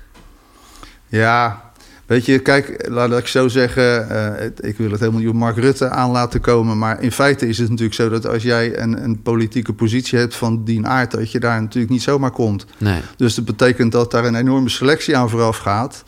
En dat weten de meeste mensen niet, want we denken dat we in een democratisch systeem eh, leven. Maar ja, dat is natuurlijk het aloud bekende van geeft die mensen brood en spelen. Ja, ja, ja. En achter de schermen wordt er een agenda afgewerkt. Nee, ik hoor al. Jij bent daar toch... En dat eh, zeg ik, dat is niet persoonlijk voor Mark Rutte, Nee, maar nee, er zit een hele hiërarchie achter Ja. natuurlijk. Nou ja, en dan eventjes, eh, laat ik gelijk even... Ik wil je zeker, dat mogen duidelijk zijn, Maarten... als ik jou erger... Ik wil je zeker niet wegzetten als een complotdenker. Integendeel. Nee hoor, dat voel ik ook niet Nee. Nee. Eh, maar het, het zijn wel een aantal dingen waarvan ik denk... nou, laten we die dan nu ook even bespreken. Ook nog even als het gaat om de kerk. Ik vond het wel een mooi inzicht, zeg je eigenlijk... Facebook en Google is ergens de nieuwe kerk. Ja. Ja, nou ja. Als je, als je nog je kunt voorstellen hoe het is om te leven op aarde zonder dat je in die voortdurende afleiding bent, dan zou het de bedoeling moeten zijn dat mensen voelen dat ze veel meer verbonden zijn met zichzelf en met het leven hier. Ehm, maar dat zei ik al, de verbondenheid in die zin is bedreigend voor mensen die hier een ander idee hebben. Dus die hebben allerlei uh, um, applications, letterlijk en figuurlijk, ontwikkeld om mensen zoveel mogelijk uit die verbondenheid te halen. Ja. En uh, nou ja, Facebook en al die dingen meer. Notabene, ik heb zelf nu ook Facebook dingen voor mijn boek. Maar, ja. Dus ik maak er in die zin indirect ook gebruik van. Maar al die applicaties die jou afleiden van de verbinding met moeder aarde... zijn uh, koren op de molen van machthebbende systemen. En je zou kunnen zeggen, en dan vat ik eigenlijk een beetje samen wat ik uh, ontdekt heb, meen te hebben, dat, dat deze krachten in de kern, en dat mensen die dat interessant vinden, die moeten hele andere geschriften lezen dan wat ik hier geschreven heb dat die mensen in de kern een soort kunstmatige versie van de schepper willen implementeren hier. Ja, en dat is letterlijk zo. Het is ook kunstmatig. Het is allemaal digitaal, artificieel, ja. Uh, Ja, maar ergens kan er ook wel een soort... Ik snap wat je zegt hoor, ik vind het ook mooi, maar... Er, er kan ook wel een soort een letterlijk verbondenheid ontstaan. En als het gaat over ja, dingen als, als, als een collectief bewustzijn en gewoon kennisoverdracht... ja, dan denk ik toch ook dat de Facebook en Google's daar ook een rol in spelen. Dus ik ben er niet alleen maar negatief over. Nou, ik wil het zo ook niet schetsen. Ik ben er in die zin niet negatief over, maar het is wel een ongelooflijk fenomeen. Ik bedoel, Um, wij, nou wij, ik in ieder geval, maar jij ook volgens mij, we kennen nog uh, de, de periode voor die telefoons en voor die dingen. dus daar kan je aan refereren. Maar mijn kinderen, die weten dat allemaal nee, niet meer. Nee, dat klopt. En als je ziet hoe dat dan inbedt eigenlijk in hun belevingswereld, dan kun je best afvragen van jeetje zeg, als je weet wat de dingen in mijn jonge jaren voor impact hebben gehad op mijn leven. Ja. Maar goed, dat hadden jouw open oma weer met de televisie. Waar wij dan weer gewoon mee zijn opgegroeid als een soort... Uh, ja. Maar dat zijn ook allemaal essentiële... Het gaat in de sneltreinvaart, ja. Uh, dat is het. Maar ik ben er niet per se tegen. Het gaat er alleen om dat het ons zo in beslag neemt... Ja. dat dat helpt voor, voor andere krachten, zeg maar... om een bepaalde agenda af te werken. En, het is natuurlijk een mega propagandasysteem. Dus, ja, uh, nee, dat is... maar goed, dat, ja, ja, ja, ja. ja, het zijn de, de lastige vraagstukken natuurlijk die er allemaal omheen hangen. Laat ik nog één ik ben ding... blij dat ik gewoon therapeut ben. Ja, nee, precies. Maar laat ik nog één ding aftikken wat hier ook mee te maken heeft... en wat vaak genoemd wordt en ook dan gelijk in een hoek wordt gezet. En ik vind het ook lastig, omdat ik gewoon meer... nou ja, terwijl ik het zeg, uh, bedoel, ik heb mijn telefoon in mijn hand... Uh, voor jou staat het buiten kijf dat, dat, of het nou 4G of 5G is, in ieder geval de hele frequentie zit, uh, dat dat ons systeem aantast. Nou, laat ik het zo beantwoorden voor zover ik daar dan inzicht in heb. Wat voor mij buiten kijf staat, is dat wanneer jij nare dingen meemaakt in je leven, dat dat je, je, je, je trillingsveld, dus je energetisch trillingsveld van wie jij bent, in de war gooit. Ja. Dat is, dat is ook aantoonbaar. Dat hebben we net gezegd. Dat toont zich zelfs in het DNA. Dus je levensenergie, zeg maar, dat gaat een andere trilling aannemen. Er is een zelfgenezend mechanisme wat altijd zal zorgen om het weer terug in balans te gaan brengen. En als je dan een tijd van je pad bent, is ook helemaal niet erg. Maar alle invloeden die er artificieel omheen gecreëerd worden, die dat trillingsveld voortdurend ondermijnen of op een ander niveau willen brengen, dat is dus een totaal groot overkoepelende veldbeïnvloeding waar we allemaal constant inlopen. Dus dat betekent dat het potentieel van ons uh, zelfgenezend vermogen voortdurend onder vuur ligt. Ja. Want dat probeert iedere keer naar zijn eigen uh, basisfrequentie terug te komen. En wordt verstoord door... Uh... Ja, dat wordt verstoord. Dus het, blijkt, het wordt dan steeds minder makkelijk in staat... om de verwondingen en de trauma's en dergelijke die er al zijn... zelf op te lossen. dus het komt onder vuur te liggen, zullen we maar zeggen. Maar hoe doe jij dat dan in het dagelijks leven? Ja, ik uh, ben natuurlijk ook maar gewoon proefondervindelijk... doe ik mijn ding. Ja. En ik ben geen zen-boeddhist in alles. En nee. ik, uh, ja, ik weet niet, ik, ik, ik probeer zoveel mogelijk daar rekening mee te houden. Maar op het moment dat je je obsessief gaat afzonderen van iedere trilling, dan denk ik dat je zelf ook van alles aan doet. Dus ik denk dat het belangrijk is ook om er weet van te hebben. Ja. Volgens mij helpt dat ook. En ja. verder heb ik ook niet precies antwoord op alle dingen. Er zijn wel heel veel mensen die prachtige initiatieven op dat vlak ondernemen. Dat vind ik wel mooi. Ja, dat is precies. Er wordt heel veel ook aangedragen wat heel hoopvol is. Nou ja, kijk, uh, om gelijk even inderdaad wel gelijk hoopvol door te knallen. uh, ja, dat vind ik altijd het mooie eraan. Ergens zitten we ook in een fascinerende tijd. En ik, uh, mm -hmm. nou ja, ik, ik, ik, kan best zeggen, jij bent uh, aangedragen door uh, Robert Bridgman, die hier te gast is geweest en die zoiets had van, ja, jongen, die Maarten moet je hebben. Nou, met hem heb ik voor het eerst gesproken in een voor mij nog Nou ja, een, eh, was, was, ik had nog nooit van de term vijfde dimensie gehoord, om eerlijk te zijn. Hij heeft me dat een beetje uitgelegd en sindsdien heb ik er veel meer over gehoord en gelezen. Ehm, ja, dat, daar, daar zitten we toch in. Dat is toch, dat is toch mooi? Ja, we zitten vooralsnog in de derde dimensie. Ja, ja.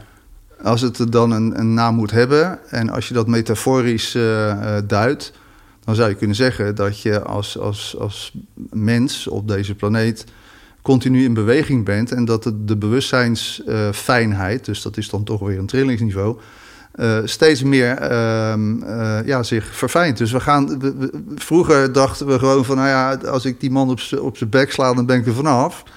Maar op een bepaald moment is het ook wel handig als je in een basistrilling begrijpt dat je tot een punt kan Ja, als ik hem op een bek sla, dan sla ik eigenlijk doe ik mezelf pijn. Ja. Misschien goed om dat allemaal niet meer te doen. Ja. En dat is vierde dimensie bewustzijn. Ja. Om te beginnen. Dat Ja. je beseft dat wat je uithaalt bij jezelf terugkomt. Nou, als dat al de basis wordt van wie wij zijn. Dan gaat hij al Dan snap je, dan houdt dat hele controlesysteem Ja. op. Omdat we elkaar dan gaan liefhebben. Of omdat je dan gewoon snapt van ja, oké, je triggert mij in iets Ja. wat ik onder, zelf niet onder ogen kan zien. Dus ik geloof dat dat eerder nog de verhuizing van naar de vierde dimensie Ja, is. natuurlijk. Maar dat betekent ook, en dat vind ik zelf even goed lastig, dat je jezelf onder ogen moet komen. Zeker. En vooral op punten waar je dat liever niet doet. Dus Ja. ik heb ook wel eens dat er heel veel mensen graag in die vijfde dimensie al willen zijn.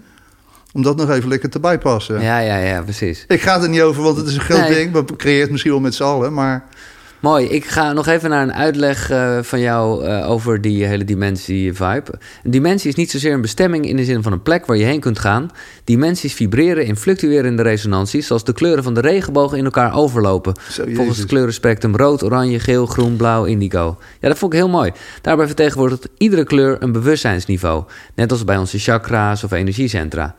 Indien een bepaalde chakra geblokkeerd raakt, waardoor er geen goede doorstroming kan plaatsvinden naar de volgende chakra, zegt dimensie, blijft een beleving ook onvolledig en kan niet integreren. Mhm. Vond ik een mooie uitleg. Nou ja, dank je. Ja, Heb ik niet erachter gezegd dat het een ingewikkelde zin was of zo? nee. Oh, Nee, je gaat er nog in door hoor, als je het echt weten wil. lijkt het me niet. Nee, oké. en daarna, oh nee, daarna maak je wel iets makkelijk door te zeggen van...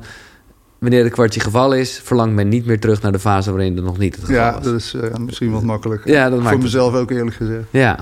Maar stemt dat jou positief? We hebben het gehad over een hoop eh, negatieve... of nou ja, gewoon wel heftige dingen. Maar dit, tenminste, ja... misschien ben ik toch een beetje Nou, te veel... wat ik probeer uit te leggen met die dingen, het zijn natuurlijk zulke grote begripsvelden. Dat is best wel lastig om dat dan heel concreet uit te drukken, uit te leggen. Ja, Maar eh, wat ik wel heb begrepen door het we- werk wat ik doe, is dat een verwerkingsproces ehm, zich zeker niet alleen mentaal moet afspelen, maar dus ook emotioneel. En het moet zich vertalen naar het lichaam. precies. Je moet het ook voelen, ja. Ja, en daardoor krijg je een, op spiritueel niveau krijg je een dieper besef over iets wat je daarvoor nog niet had. Ja, Eh, en op dat moment eh, lost het zich op. Hè? Dus dan neutraliseert en harmoniseert de oorspronkelijke lading. Zo'n proces eigenlijk breng je dus eigenlijk door al die chakras heen. Dat is nog voor sommige mensen misschien zweverig, maar voor mij best wel concreet geworden. Energiecentra die allemaal een deel van het verwerkingsproces voor hun rekening nemen. Dus je ziet heel vaak mensen, ook in de praktijk, die zeggen, die snappen waarom ze eh, ergens last van hebben. Maar dus nogmaals, het snappen snapt dan niet dat je het ook te doorvoelen hebt. Ja, ja, ja. En dat is wel een interessant fenomeen. Dus dat doorvoelen en dat doorleven ontlaat en ontkrampt. En dan kun je weer verder naar een volgende situatie. en dat is op persoonlijk niveau in een gebeurtenis. Maar ik heb het idee dat dat systeem ook actief is op een veel grotere schaal. Dus dan zou je kunnen zeggen dat de doorsluis van, laten we zeggen, die derde naar die vierde dimensie. in wezen een chakra is waar we aan het doorheen verhuizen zijn. Ja, ja, ja. Die ervoor kanaal. gaat zorgen dat we op een veel dieper niveau gaan begrijpen hoe het zit. In plaats van dat het alleen maar hier zit. En we afhankelijk geworden zijn van autoriteiten of laten maken. ja. Zo, zo zou ik het dan het liefst willen uitleggen. Nou, wat ik mooi vond, en ook eh, is dat jij nog best wel wat kritiek hebt. En dat zal niet over Robert Bridgman zijn, denk ik, want, eh, want anders had hij jou niet. Maar je hebt wel wat kritiek over, ja, ik noem het maar even lichtwerkers. Maar er, eh, wel mensen die, die een heel werkmodel eromheen bedenken. zoals bijvoorbeeld naar het licht sturen of energetisch bestrijden van ongewenste emoties of andere ladingen. Dat is misschien ook waar het een beetje over hadden met zo'n ruimtekleren en zo. Daar, dat, daar ben je geen fan van. Nee, nou dat, is, dat heeft zeker geen betrekking op Robert Bridgman. Nee. Die heb ik hoog zitten. Maar dat is meer een algemene uh, tendens dat ik zie. Kijk, als je zoveel mensen in je praktijk kan trekken, heel veel mensen hebben van alles uitgehaald. Ja. En wat ik heel vaak verneem van die mensen is bijvoorbeeld dat belastende invloeden uh, variërend van een kwaadwillende opa tot uh, een broertje die verongelukt is en die nog in het auraveld uh, zichtbaar is, bla bla bla. Dat al die, die, die fenomenen, laat ik maar zeggen, entiteiten, soms bijna obsessief naar het licht gestuurd moeten worden in therapeutische settings. En dat daar dan een soort de kous mee af is. En ik zie dit zelf als spirituele symptoombestrijding. Hè? En, en dat, ja, ik word er ook wel opstandig van. Want ik, dat, dat maakt het spirituele vuilnisman uh, verhaal ja. voor mij nog eens een keer in koeienletters. Want ik zit vaak dingen op te ruimen, als het ware, die al lang naar het licht gestuurd zijn, maar feitelijk via de achterdeur weer binnengekomen zijn. Dus als jij Ook laten omdat we ze niet echt helemaal Precies. ja, doorvoelt Op het moment dat jij een opa hebt die nare dingen heeft gedaan onder omstandigheden, waardoor hij de boeken ingegaan is als een, als een, een, een zwarte man of een kwaaie man, die naar het licht gestuurd wordt. Op de eerste plaats gaat hij daar onder, op commando niet naartoe. Nee. En ten tweede gaat het er juist om, als jij een nazaat bent van die opa, om op diepere lagen te snappen waarom hij deed waarom hij deed onder die omstandigheden. En op het moment dat je dat voelt, Ja. vanuit opa, ook al heeft hij rottigheid uitgehaald, dan komen de tranen en dan snap je opa zonder zijn daden te goed praten. Dan snap je zijn daden en het gevolg is dat loslaten komt. Maar Omdat- wel echt dat helemaal niet even aanstippen en... eh, Nee, precies. Ja, ja, ja, Dat is een beetje wat ik ermee wil zeggen. Snap ik. Oké, ik ga verplassen. Ik zal nog een beetje thee bijschenken. En dan kan jij vast nadenken, of dat heb je hopelijk al gedaan... over eh, de vraag die ik altijd aan al mijn gasten stel. Welke drie boeken zijn bij jou van invloed geweest... op eh, nou ja, de mooie reis die jij ook als mens gemaakt hebt? Oké. Oké, Maarten, het eerste boek. Ik Ja. ben benieuwd, want je noemt heel veel boeken als eh, bron en als tip. Dus eh, ja, ja, je mocht er maar drie uitzoeken. Ja. Nou, de allereerste is eh, met, met stip bovenin absoluut het boek Bury My Heart at Wounded Knee van Dee Brown. Oké. En waarom Dat- die? Nou, eh, ik was denk ik eh, elf of zo Ah. ehm, toen ik, toen ik eh, zag dat dat boek er was. Dus ik was niet eens cognitief in staat om precies te snappen wat erin stond. Maar door de regels heen kon ik lezen en plaatjes kijken. En ik voelde me zo mee verwant dat ik dat boek van Sinterklaas heb gekregen. en ehm, en dat ik daarin ben bezig gegaan, dat heeft mijn hele boeltje ondersteboven gegooid. En wat is eh, de essentie van het boek en daarmee misschien ook voor jou? Ja, dat ik me ongelooflijk herkende in die gigantische traumatisering van die Indianen dan. Die, Ja. hè, dat is dan vooral Noord-Amerika en Canada wat me heel erg aanspreekt. En dat ik me daarin herkende, laten we het maar zo zeggen, op een manier die me feitelijk weer heel erg in verbinding bracht met, met oude de kennis, zou ik het zo ja, zeggen. ja. Met, met oude kennis, met oude waarden. En ik voelde mezelf daar zo in thuis. En ja, ja kijk, als dat boek, als dit boek voor mensen doet wat dat boek voor mij gedaan heeft, Ja. dan, dan zou ik het al prachtig vinden. Luikje openzetten. Ja. En, eh, ja, ja. Zeker. en dat heeft er ook toe geleid dat jij later ook echt daadwerkelijk naar naartoe bent gegaan. En, en Ja, ik ben. eh, dus dat boek beschrijft onder andere die slag bij Wounded Knee ja, in eh, South Dakota. Waar in 1892 de allerlaatste grote veldslag heeft plaatsgevonden van die, van die natives. Terwijl dat de laatste was van een opvolging van enorm veel dingen. Mhm.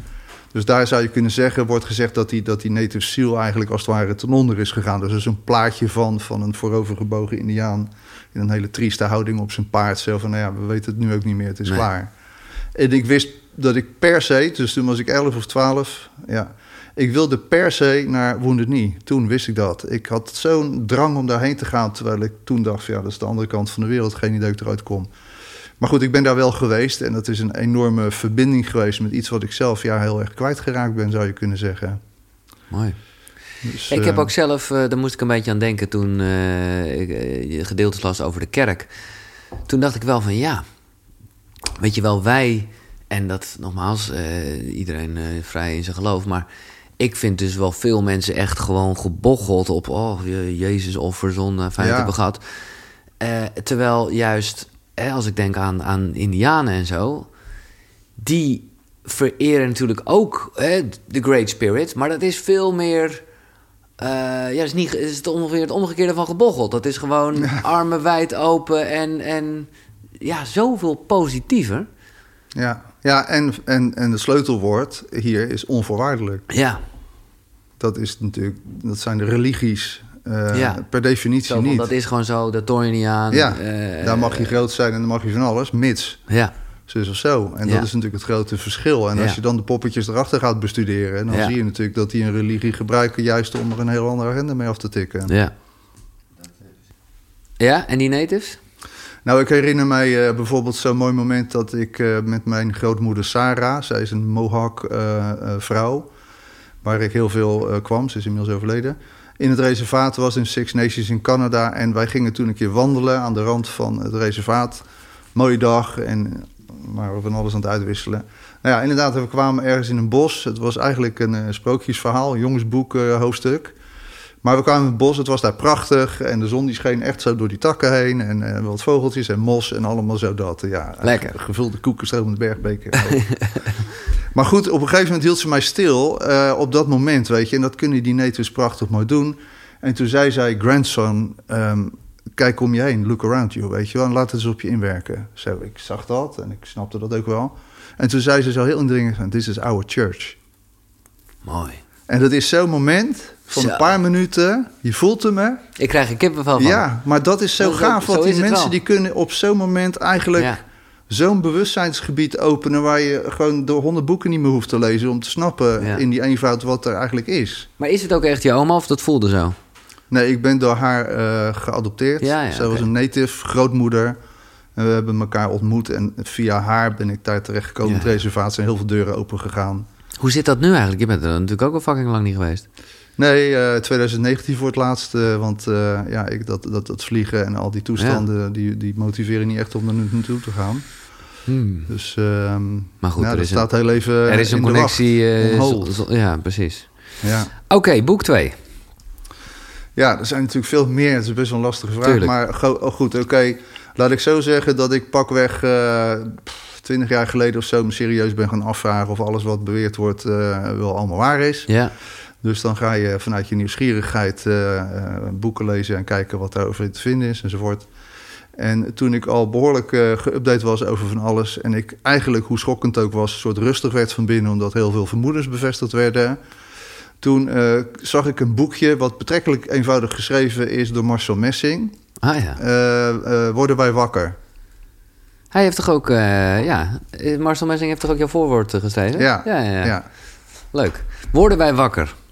Ja, wij worden wakker. Nee, worden wij wakker. Ja, ja, Volgens mij is het van 2005 of Ja. 2006.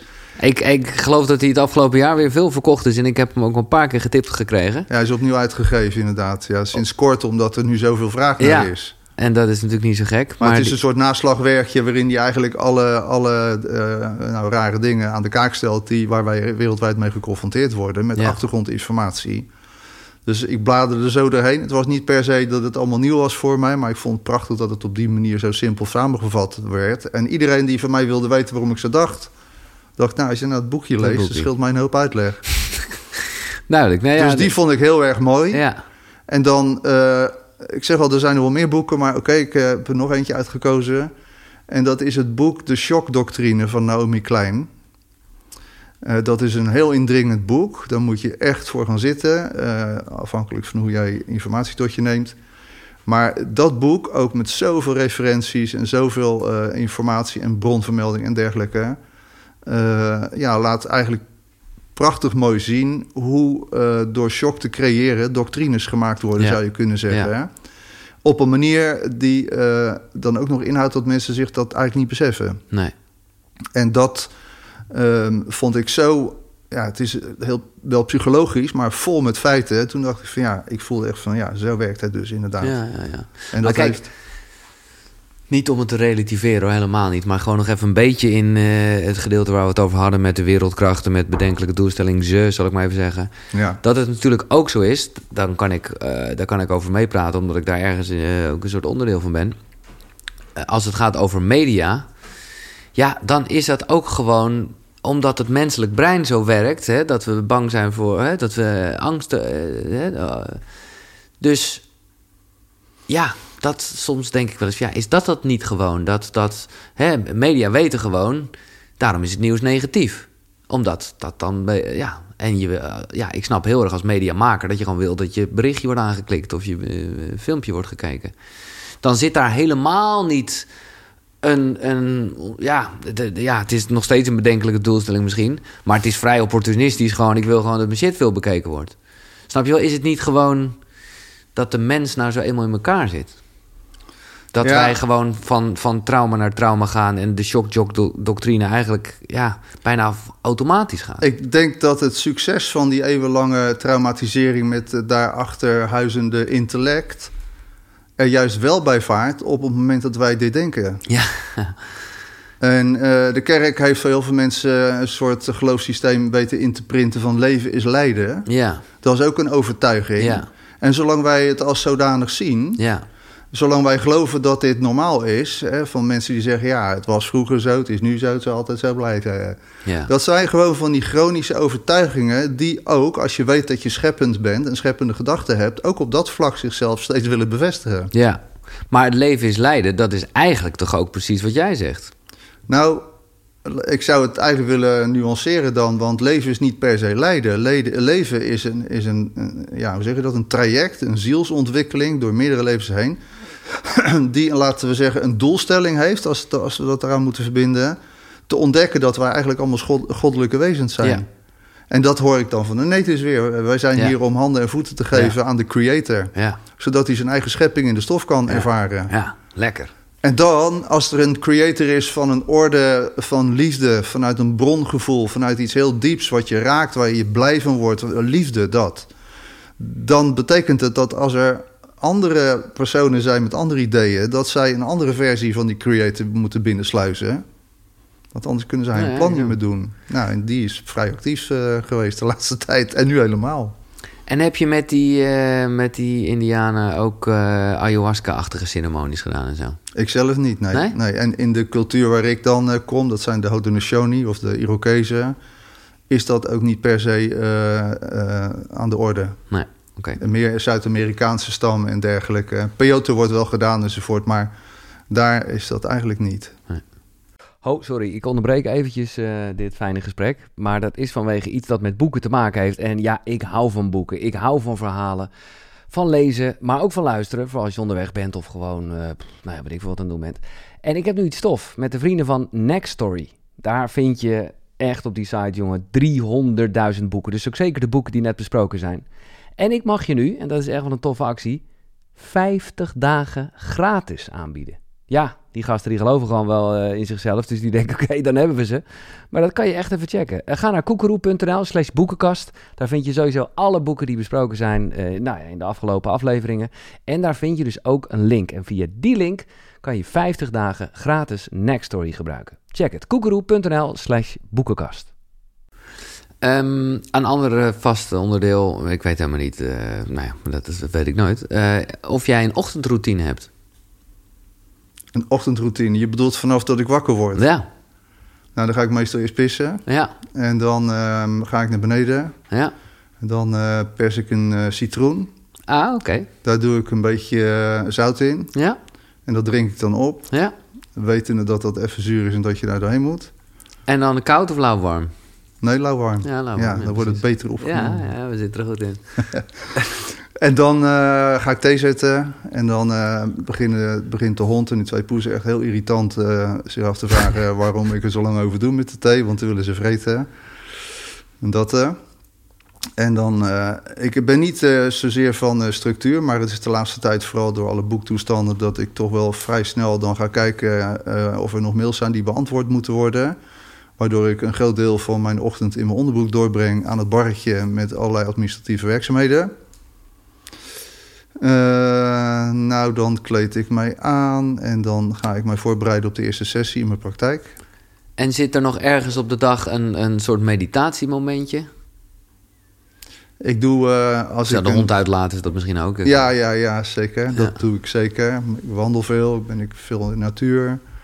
Um, en uh, als ik uh, gewerkt heb met mensen, ik doe die sessies meestal drie op een dag, Dan, uh, dat duurt zeker wel anderhalf uur per sessie. Dan doe ik met mezelf altijd even iets met Sali. Ja, ja Vind ik het fijn om even mezelf Ja. door te wapperen. Nee, maar dat bedoel ik. Ik om te bedoel, neutraliseren. als iemand weet dat je geen nieuwe knoopjes moet laten ontstaan...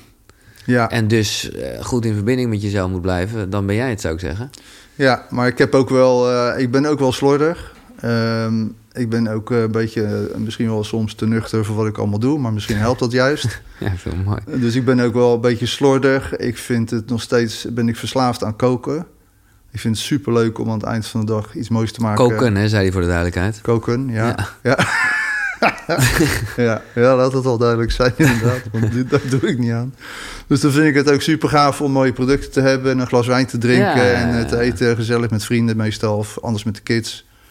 Dus zo ziet mijn eh, dag er ongeveer Ik ben benieuwd, want dit boek was een behoorlijk levenswerk. Je hebt eerder gewoon al veel artikelen geschreven in, eh, in, in magazines en zo. En daar is dit een soort optelsom van. Ook weer niet, dan ben je opnieuw begonnen.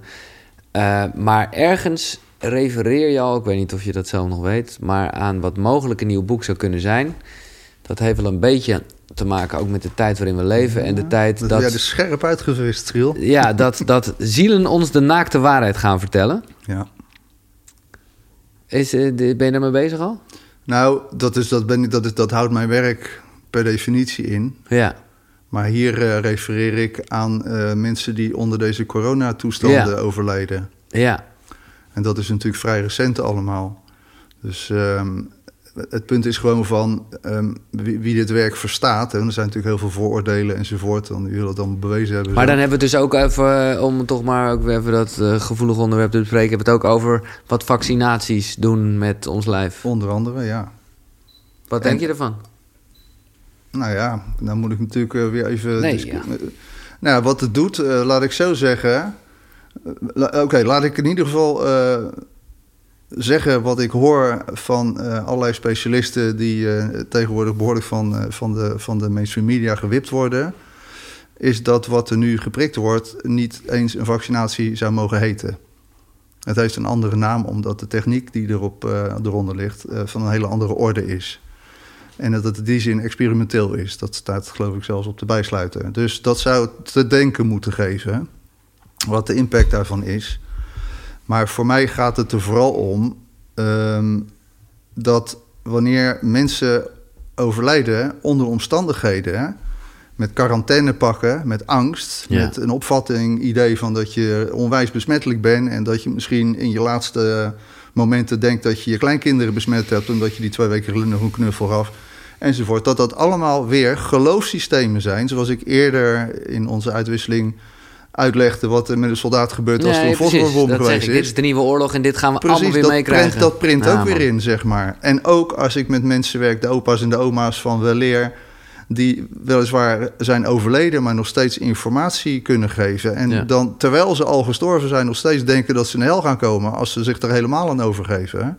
Nou, dan ga je natuurlijk wel zien dat er een behoorlijk veld gecreëerd wordt... op dit moment van, ja, toch wel traumatisering... Mhm. Ehm, terwijl dat nu allemaal onder de noemer eh, coronalogica eh, geplaatst wordt. Ja, ik snap, eh, ja, bestaansrecht is net uit, maar ik zou niet te lang wachten, Maarten. Maar dat zeg ik meer gewoon als Ja. zelf nieuwsgierig naar dit thema natuurlijk. Ja, dan, dus altijd de laatste vraag. Alleen bij jou had die bij wijze van spreken ook de eerste kunnen zijn, omdat het er ergens ook heel erg eh, over gaat. Hoe kijk je aan tegen de dood? Nou, ik eh, vind het leuk om met jou in gesprek te zijn. Ja, nou, dat Eh, is mooi. Maar, Maar, oké, ik weet je, het is misschien wel lastig... omdat ik er best wel een hoop over ben gaan begrijpen... doordat ik er natuurlijk zo mee werk. met reïncarnatie, ja. Ja, en met die mensen, eh, Ja. met, eh, overleden of niet... Ja. en wat voor impact het heeft... en dat die overdrachten goed Ja. horen te zijn en bla, bla, bla. Dus dat confronteert natuurlijk mij ook met al mijn onhebbelijkheden... mijn unfinished business en mijn dingen enzovoort. Mhm. Veel mensen denken dat ik een een of andere zenstaat heb bereikt... omdat ik dit al eh, zo lang doe, maar dat is niet zo... En dat hoeft voor mij ook niet per se. Ik vind het ook fijn om het leven gewoon op deze Ja. manier te ondervinden. Maar hoe ik er tegenaan kijk, nou ja, als het ooit zover is... dan hoop ik in ieder geval dat ik niet te veel eh, opge- opgesloten toestanden in mezelf meedraag. En vooral dat ik met mijn dierbaren, dat zijn in eerste instantie mijn kinderen... eh, mijn ex-vrouw in ieder geval, mijn vriendin, mijn, mijn lieve vrienden... dat ik niet te veel eh unfinished gouden hoer eh, Nee. heb. En ik geloof wel als het eenmaal zover is... want, want doodgaan is vaak lastiger dan dood zijn... Dat, dus dat als je, ik geloof wel dat als dat daar mooi is, dat iets heel moois staat te wachten. Ja, wat, laten we even lekker daarover dromen. Wat Ja. gebeurt er? Ja, dus eh, inderdaad, eh, hoewel ik dit echt het liefst zo concreet mogelijk houd. Dus de- wat ik verneem van mensen die ik begeleid in stervensprocessen, dat staat ook daarin Ja. beschreven. Inderdaad, is dat daar eh, een lichtende sfeer is. Die wordt als zodanig ervaren. Een rust, eh natuurtaferelen en vooral ook dierbaren die ervoor zijn gegaan. Waarvan er ook een heleboel zijn waar je een conflict mee gehad hebt. Waar ineens begrip is of een uitwisseling of op zielsniveau eigenlijk allerlei... Lessen. Ja, precies. Ja. Dat, dat, dat speelt zich daar af. Ja. En het wonderlijke is, of wonderlijk, ik geef ze dat niet aan. Het is, de vraagstelling is meer van... Nu je beseft wat er met je lichaam gebeurd is... en je oriënteert je op de wereld die er omheen is... wat neem je waar? Zo, Dat dat, zijn open vragen. Universele shit blijkt het te zijn. En dan ja. blijken ze allemaal zo'n soortzelfde ding te zeggen. Sommige mensen die zeggen wel eens het is helemaal zwart en eng. Maar dan is dat nog steeds een projectie van de angst die zij opgelopen hebben in hun leven. Vooral als het gaat over hel en vagevuur en al dat gedoe meer. En als je het zo wetenschappelijk mogelijk zou moeten bedenken, wat gebeurt er letterlijk? Dus jij, de zak water met botten, eh, ja, gaat onder de grond. Ja, dus het, nou ja, het, sterven zelf is natuurlijk een, een, eh, een proces sowieso. Het is een proces. En als je daar een eikpunt in moet zoeken, dan zou je kunnen zeggen dat dat is het moment dat je hart voor het laatst geklopt heeft. Dus kort daarna eh, vindt er een onthechting plaats van wat wij dan als ziel eh, betitelen. Dus het etherisch lichaam of het spirituele lichaam. Daar kan je allemaal weer naam aan verbinden, maar laten we maar even ziel zeggen. Die, die onthechting die vindt plaats. Voor heel veel mensen vrij onbewust, waardoor ze niet goed overgaan. En dan vooral eh, is het lastig om die delen van je lichaam los te laten waar ooit trauma was. Mhm. Of waar een ziekte Ja, zich heeft genesteld. Maar op het moment eh, dat er eh, inderdaad een bewustzijn is van het sterven, dan zijn zielen ook in staat, terwijl ik er nog steeds mee communiceer, om hun eigen lichaam te zien. Die, op, die instructie geef ik ook. Van als je naar je eigen lichaam kijkt, wat valt je eraan op? En wat ik eigenlijk dan wil horen, dat is dat, ze, dat het volledig dood is. Ja, ja, Dat er geen lichaamsenergie, levensenergieachtige stukken meer in zitten. Dus eh, vervolgens gaat er een oriëntatie komen voor die zielen. Omdat ik ze eigenlijk, eh, nou, net als eh, dat je de rondleiding in de Efteling krijgt... dat ze even moet georiënteerd raken op een nieuwe werkelijkheid. En die is universeel. ja. En Dat dan is- komt er een soort tussenfase voordat we weer in een nieuw... Ja, het is inderdaad een soort, eh, ja, hoe zeg je dat? Een, ik noem het wel eens een verijling. Je verijlt als het ware. En dan ga je ook onthechten van de persoon die je was, Ja. eh, je identiteit en ja. dat soort zaken meer. Maar tegelijkertijd is het ook een oord waar we vandaan komen. Van op zielsniveau raak je ook vrij snel weer vertrouwd met die werkelijkheid. En die Ja. zegt van, oh ja, zwaar ook. Dat is de basis. Dat wat er gebeurt. Ja. Want ja, wij zijn eigenlijk meer vervreemd van, van, van dat dan dat, dat het andersom is. Dus En- dat is in grote lijnen en dan gaat het in een, in een random andere persoon, die energie, die ziel, of hoe je... Nou nee, ik eh, stel me dan zo voor. Er zijn er ook wel onderzoeken. Volgens mij heb je hier ook een boek van Michael Newton staan. Ja, ja, ja, zeker. Die heeft daar volgens mij behoorlijk in eh, of eh, onderzoek naar gedaan.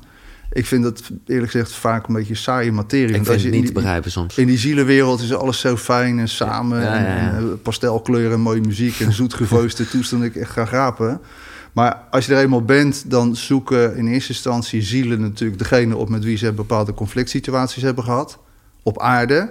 Dat kan een partner zijn, of een kind, of een Ja. broer. Of zelfs eh, de Jodin en de SS'er. Juist, misschien wel. Ja. Ja, precies. Ja. En als het gedaan mag worden, dan komt daar al een uitwisseling. En, en dus op die manier... Thea Terlouw heeft een boek geschreven, dat heet De Heelkamers. Oké. En dat illustreert enigszins dat daar natuurlijk ook een, een, een, een, een logistiek is... Zeg maar, op basis van alle verhalen die mensen meenemen uit hun aardse leven... en dat er aandacht voor is. Die voegen we gewoon even toe als extra boek aan de boekenkast. koekeroe.nl slash boekenkast.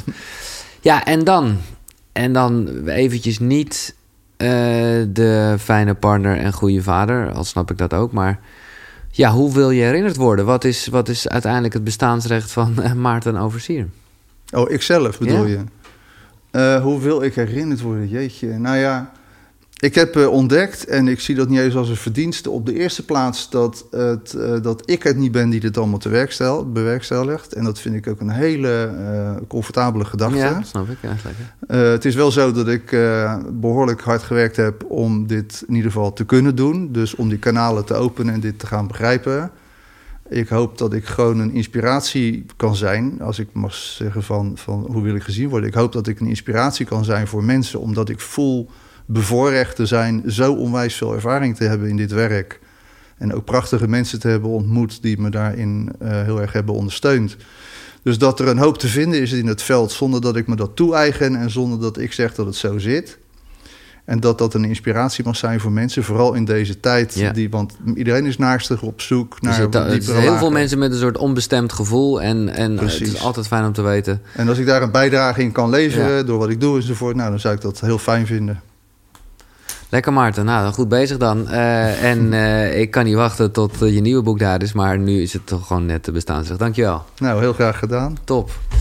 ja, meer informatie vind je op de website. Dat is koekeroe.nl slash Maarten. Dus qqru.nl slash Maarten. En daar vind je natuurlijk ook gewoon de link naar de boeken. je kan ook nog... Misschien mag, mag ik een boek weggeven? Zeker. Nou, dan kan je ook nog een boekje winnen. Tuurlijk. en daar vind je natuurlijk ook uiteindelijk heel veel andere afleveringen. Als je via YouTube kijkt, vergeet dan vooral niet te abonneren. Ik doe het zelf ook niet. Is belangrijk. Klik gewoon, dat kost niks, op die abonneren knop en een duimpje omhoog. Reageren. Nou, dan reageer ik ook altijd. En uh, ja, een recensie. Oh ja, dat moet ik vergeet het altijd. Een recensie achterlaten bij iTunes. Dat gebeurt te weinig. Gezien het feit dat er gelukkig wel steeds meer mensen luisteren. Maar ja, ook dat zou ik zelf nooit doen. Neem even de moeite, doe een paar sterren en uh, bedankt. En zo niet dan toch, gewoon dank voor het luisteren. Graag tot de volgende. Hoi!